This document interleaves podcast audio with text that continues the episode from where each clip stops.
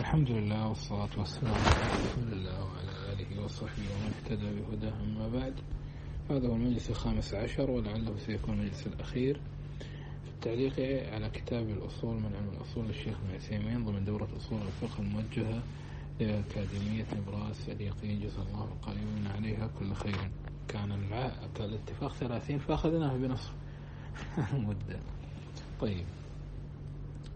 آخر شيء سنتحدث عن الاجتهاد والتقليد. وبالنسبة لدروس لحجية قول الصاحب ليراجع درسنا في أصول السنة موجود في قناتي في قناة الدروس الصوتية. عند قول الإمام أحمد أول درس أصول السنة عندنا التمسك ما كان عليه أصحاب النبي صلى الله عليه وسلم. هناك بسطت القول. الكلام عن الاجتهاد والتقليد. الناس أنواع. الناس منهم المجتهد المفتي ومنهم المقلد. ومن الناس من يذكر مرتبة ثالثة وهي المتبع والذي هو يمكنه النظر بالأدلة ولا يمكنه أن يجتهد ولكنه يمكنه النظر بالأدلة والترجيح بين أقوال المجتهدين. وفي الواقع الاجتهاد الذي يذكر في كتب أصول الفقه مرتبة عالية جدا والتقليد مرتبة دنيا جدا وفي الواقع بينهما مراتب كثيرة. لها ومن هنا يحصل إشكال يعني بعض الناس يجعل كل من لم يصل إلى درجة الاجتهاد الاجتهاد المطلق يجعله آه، مقلدا. وحقيقة في هذا يكون ظلما يعني لأن بعض الناس كما هو معلوم هو لم يصل إلى درجة الاجتهاد ولكنه يتعلم تعلم كثيرا. وبإمكانكم أن تنظروا بالأمر من خلال آه، الكليات الحديثة. حين يدخل شاب إلى كلية الجراحة مثلا. فإنه في بعد دراسة أول عام يصير مؤهلا لفعل أمور لم يكن يستطيع أن يفعلها قبل أول عام ثاني عام ثالث عام. ممكن يعطى شهادة خلاص ولكنه إذا ذهب إلى المستشفى لا يمارس حتى يعطى يحتاج مدة آه، من النظر والممارسة العملية. فحقيقة هناك عدة مراتب. يقول المصنف رحمه الله الاجتهاد تعريفه الاجتهاد لغة لغة بذل الجهد لإدراك أمر شاق. حتى الأعرابي قال للنبي صلى الله عليه وسلم ترى ما بلغنا من ما بلغنا من الجهد. واصطلاحا بذل الجهد لإدراك حكم حكم شرعي. والمجتهد من بذل جهده لذلك. شروط الاجتهاد. للاجتهاد شروط منها أن يعلم من الأدلة الشرعية ما يحتاج إليه في اجتهاده كآيات الأحكام وأحاديثها. هل كلها؟ غالبها على الأقل. بل ويستطيع أن ينظر آه، يستنبط الأمور الباطنة من الأمور الظاهرة كيف هذا؟ هناك أدلة كما مر معنا هناك أدلة تدل بدلاء بشكل واضح على الحكم الشرعي ولكن هناك أدلة تحتاج منك إلى استنباط إلى نظر إلى دقة إلى قياس. آه، هناك طريفة مثلا ليس بن سعد فقيه. ف فوجد فكان عنده حديث عائشة لا يقطع بالقليل لا يقطع بسرقة القليل. لكن لم يعرف بماذا سيقطع إذا ما هو الكثير الذي يقطع فيه؟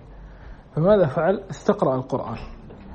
فوجد في القرآن ولقد نصركم الله بمواطن كثيرة فعد هذه المواطن عد هذه الغزوات وقال الذي فوجدها حاجة وعشرين غزوة فقال الذي يسرق حاجة وعشرين دينار أو درهم تقطع يده آه هذه لطيفة. طبعا هنا هو لم يقف على الحديث الذي يحدد القطع بربع دينار ذهب. هذا مثال أضربه فقط على الفقيه الغواص. حتى عمر بن الخطاب يقول لعبد الله بن عباس غص يا غواص غص يا غواص. فيستنبطون مثل ما استنبط عبد الله بن عباس وحمله وفصاله ثلاثون شهرا. طيب. والوالدات يرضعن أولادهن حولين كاملين استنبط من هاتين الآيتين أن أقل الحمل ستة أشهر. استنبط أن أقل الحمل حولين كاملين يعني 24 شهر. آه، حولين كاملين يعني 24 شهر. وثلاثون شهرا فالقرآن جاء بأقل شيء ممكن حتى يدخل فيه الأكثر من باب أولى فقال ستة أشهر.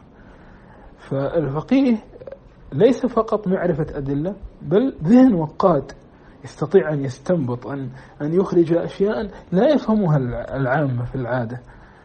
لا يفهمها غير الممارس في العادة. طيب. وليست آيات الأحكام فقط بل هناك آيات غير آيات الأحكام ممكن أن يستنبط منها مثل آيات القصص. لهذا لما قال المجتهد لا يشترط أن يحفظ القرآن فقط يعرف آه، آيات الأحكام سيعترض الأبهري وغيره. يعني الآن مثلا إذا أردنا أن نطبق قاعدة أدنى الضررين نستدل بقصة موسى والخضر وأما السفينة فكانت لمساكين يعملون في البحر فأردت أن أعيبها. طيب هذه قصة نبي لكن استفدنا منها حكم فقهي بل استفدنا منها قاعدة فقهية كبيرة.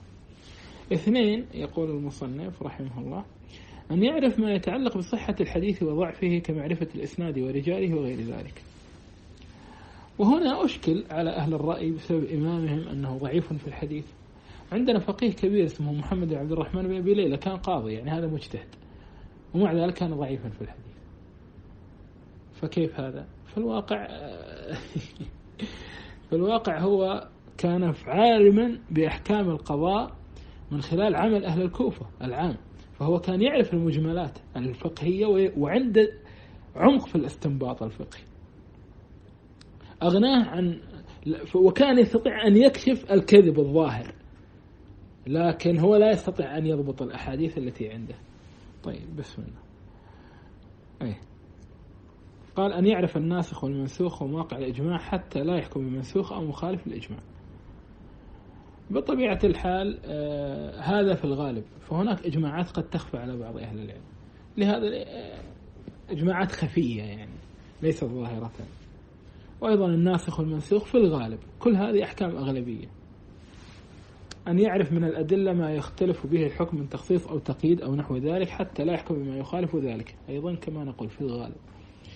أن يعرف من اللغة وأصول الفقه ما يتعرف بدلالات الألفاظ كالعام والخاص والمطلق والمقيد والمجمل والمبين ونحو ذلك ليحكم بما تقتضيه تلك الدلالات.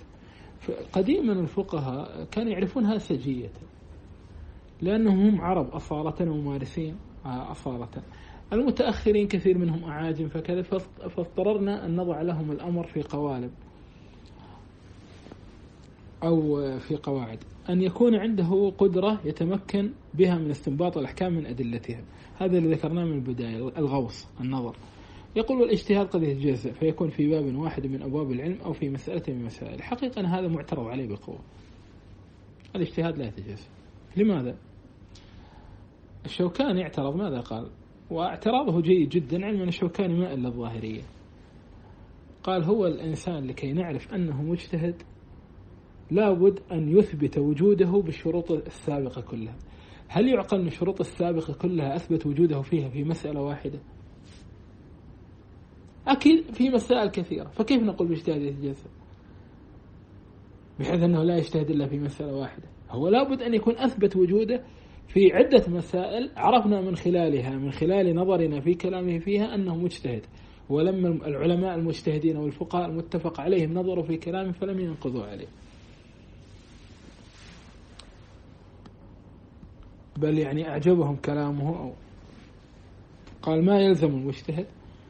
فهو نعم الاجتهاد يتجزأ بمعنى أنه إنسان قد قد يجتهد في بعض أبواب العلم دون بعض. يكون عالما في الجرح والتعديل لا يكون عالما في الفقه.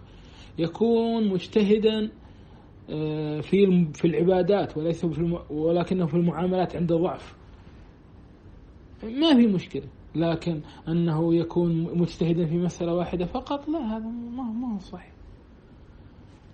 يقول يلزم المجتهد أن يبذل جهده في معرفة الحق ثم يحكم بما ظهر له. فإن أصاب فله أجران أجر على اجتهاده وأجر على إصابة الحق لأن إصابة الحق إظهارا له وعملا به وأن أخطأ فله أجر واحد والخطأ مغفور له لقوله صلى الله عليه وسلم إذا اجتهد الحاكم فأخطأ. آه، فله أجر ثم آه، ثم أصاب فله أجران وإذا اجتهد فأخطأ فله أجر واحد. وأن لم يظهر له الحكم فعليه وجب عليه التوقف وجاز التقليد حينئذ للضرورة.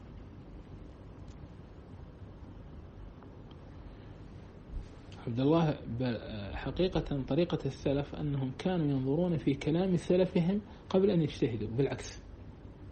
يعني ماذا قال العلماء؟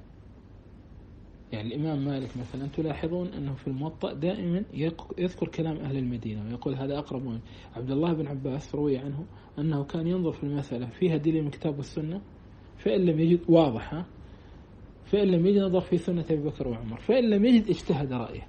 الاجتهاد عند هؤلاء يعني محاولة استخراج آه الاستخراج الخفي استخراج من الدل...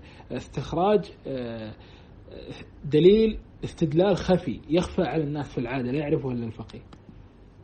التقليد بسم الله. التقليد تعريفه, تعريفه لغة وضع الشيء في العنق محيطا به كالقلادة. واصطلاحا اتباع من ليس قوله حجة. في كلام المتقدمين التقليد يعنون به مطلق الاتباع حتى الأخذ بأقوال الصحابة عند من يراه حجة. لا تجد في عقيدة حرب الكرماني يقول أهل السنة يرون التقليد. يقول اصطلاحا اتباع من ليس قوله حجة فخرج بقولنا من ليس قوله حجة اتباع النبي صلى الله عليه وسلم واتباع الأجماع واتباع الصحابي إذا قلنا أن قوله حجة. فلا يسمى اتباع شيء من ذلك تقليدا لأن اتباع لأنه اتباع للحجة. ولكن قد يسمى تقليدا على وجه المجاز والتوسع. بل هذه لغة المتقدمين. مواضع التقليد. يكون التقليد في موضعين. الأول أن يكون المقلد عاميا. لا يستطيع معرفة الحكم بنفسه فرضه التقليد. لقوله تعالى فاسألوا أهل الذكر إن كنتم لا تعلمون. بعض الناس ينازع يقول هذا ليس تقليدا نعم هو قد يعني هو تقليد من ناحية أنك لا تنظر في الحكم لكنك تنظر في في أخلاق وتدين الرجل الذي تختاره. فأيضا هو فيه شيء من الاجتهاد. هذا يسمونه اجتهاد العامي. ويقلد أفضل من يجده علما ورعا فإن تساوى عنده اثنان خير بي خير بينهما. وإن أفتيا فتوى اختار الأحوط. فلو واحد قال لك هذا واجب والثاني قال لك مستحب افعله. هذا الأحوط. أخرج من خلاف. إذا واحد قال لك هذا حرام والثاني قال لك مكروه اتركه. لأنه بحال واحد. واحد قال لك هذا مباح والثاني قال لك حرام اتركه.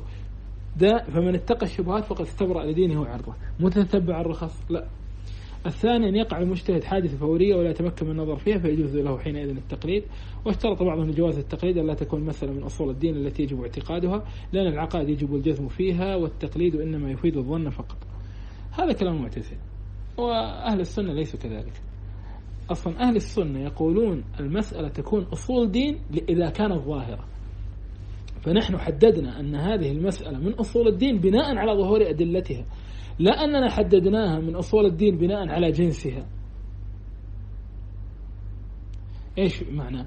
يعني مثلا المعتزلي ماذا يقول؟ يقول مسائل غيبية أصول دين نحن نقول لا. مسائل غيبية ما كان منها ظاهرا واشتهر خلاف أهل السنة مع أهل البدع فيه أو الأدلة أصول دين وأيضا مسائل عملية أصول دين لهذا نذكر في عقائدنا المسح الخفين. بعضهم يذكر حتى بعض مسائل مثل تكبير على الجنائز أربعة. لأن الرافضة لا يكبرون أربعة. طيب. والراجح أن ذلك ليس بشرط لعموم قوله فاسألوا أهل ذكر إن كنتم لا تعلمون والآية في سياق إثبات الرسالة وهو من أصول الدين. ولأن العام لا يتمكن من معرفة الحق بأدلته فإذا تعذر عليه معرفة الحق بنفسه لم يبقى إلا التقليد لقوله تعالى فاتقوا الله ما استطعتم. وفي حقيقة فاسألوا أهل الذكر إن كنتم لا تعلمون. هذا استدلال. الآية هذه تقول لك اسأل أهل الذكر استنطق علماء أهل الكتاب عن النبي صلى الله عليه وسلم. إذا ذكروا لك علامات واضحة تدل عليه فهذا الآن حقيقة هذه عملية اجتهاد. أيه. لأن هناك علماء أهل الكتاب أسلموا في زمن النبي صلى الله عليه وسلم وأظهروا بشارات وهذه زالت باقية في زمن أنواع التقليد التقليد نوعان نوع آه، عام وخاص. فالعام أن يلتزم مذهبا معينا يأخذ برخصه وعزائمه في جميع أمور دينه. هذا كاد يكاد أن ينقرض. وقد اختلف العلماء فيه فمنهم من حكى وجوبه لتعذر الاجتهاد في المتأخرين. وحقيقة هذا ضعيف. لأنه ما لأن الشافعي يقول أجمع الناس على أن من استبانت له سنة لا يجوز له أن يدعها لقول أحد من الناس. أنت ممكن تتمذهب بمذهب معين. لكن ثبت عندك بالأدلة أن مذهبك خطأ في هذه المسألة. قد يقول قائل يا أخي أنا ما أعرف. أنا عندي إمام مجتهد. مو ثبت بالأدلة أن إمامك المجتهد خالفه إمام مجتهد آخر. ومنهم من حكى تحريمه لما فيه من الزام مطلق. آه، لاتباع غير النبي صلى الله عليه وسلم وهذا أيضا ضعيف هذا مذهب الظاهرية. وقال شيخ الإسلام في الواقع العامي لا مذهب له. العامي لا مذهب له. العامي يأخذ بمذهب الأديان. التمذهب هو طريقة من طرق التعلم وقد يحسن في أول أيام في في بداياتك ثم بعد ذلك لا تقوى شيئا فشيئا. لو كل مذهب أصلا داخله خلافيات ونزاعات تستطيع أن تتدرب فيها على الترجيح وقال شيخ الإسلام إن القول إن في القول بوجوب طاعة غير النبي صلى الله عليه وسلم في كل أمره ونهيه وهو خلاف الإجماع وجوازه فيه ما فيه. وقال من التزم مذهبا معينا ثم فعل خلافه من غير تقليد لعالم آخر أفتاه ولا استدلال بالدليل يقضي خلاف ذلك ولا عذر شرعيا يقتضي حل ما فعل فهو متبع لهواه فاعل للمحرم بغير عذر شرعي. اليوم نحن عندنا الناس مع الأسف الشديد لا يلتزم مذهب ولا يأخذ بالأحوط. ولا يأخذ بالأدلة يأخذ بالأسهل بالرخص. الآن عندنا إنسان يمشي على الأدلة مثلا. بغض النظر يعني هو فاهم منظومة الأدلة فاهم منظومة الأصول. وعندنا إنسان ماخذ بمذهب برخصه وعزائمه. يعني اليوم كثير من الناس تجده حنفي أو شافعي أو مالكي وفي الطلاق يأخذ فتاوى شيخ الإسلام. هذا لعب. إلا إذا كان من جماعة الأدلة واقتنع بأدلة شيخ الإسلام وإن كان أنا عندي حقيقة الأدلة مع المذاهب. وعندنا وعندنا شخص يأخذ بالأحوط إنسان متدين ورع.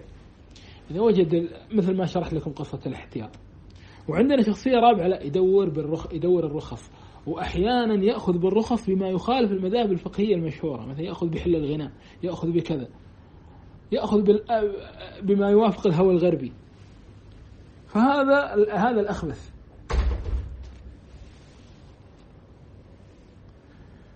وهذا اللي يقول عنه الشيخ الإسلام فمتبع لهواه فاعل المحرم بغير عذر شرعي وهذا منكر وأما إذا تبين له رجحان قول على قول إمامه إما بالأدلة المفصلة إن كان يعرفها ويفهمها وإما إن كان يرى أن أحد الرجلين أعلم بتلك المسألة من الآخر وهو أتقى لله فيما يقوله فيرجع عن قول إلى قول لمثل هذا فهذا يجوز بل يجب وقد نص الإمام أحمد على ذلك. ما شاء الله. والخاص أن يأخذ بقول معين في قضية معينة فهذا جائز إن عرف أن عجز عن معرفة الحق بالاجتهاد سواء كان عجز عجزا حقيقيا أو استطاع ذلك مع المشقة العظيمة. فتوى المقلد قال الله عز وجل فاسألوا أهل الذكر إن كنتم لا تعلمون وأهل الذكر هم أهل العلم والمقلد ليس من أهل العلم متبوع وإنما هو تابع لغيره. قال أبو عمر بن عبد البر وغيره أجمع الناس على أن المقلد ليس معدودا من أهل العلم وأن العلم معرفة الحق بدليله.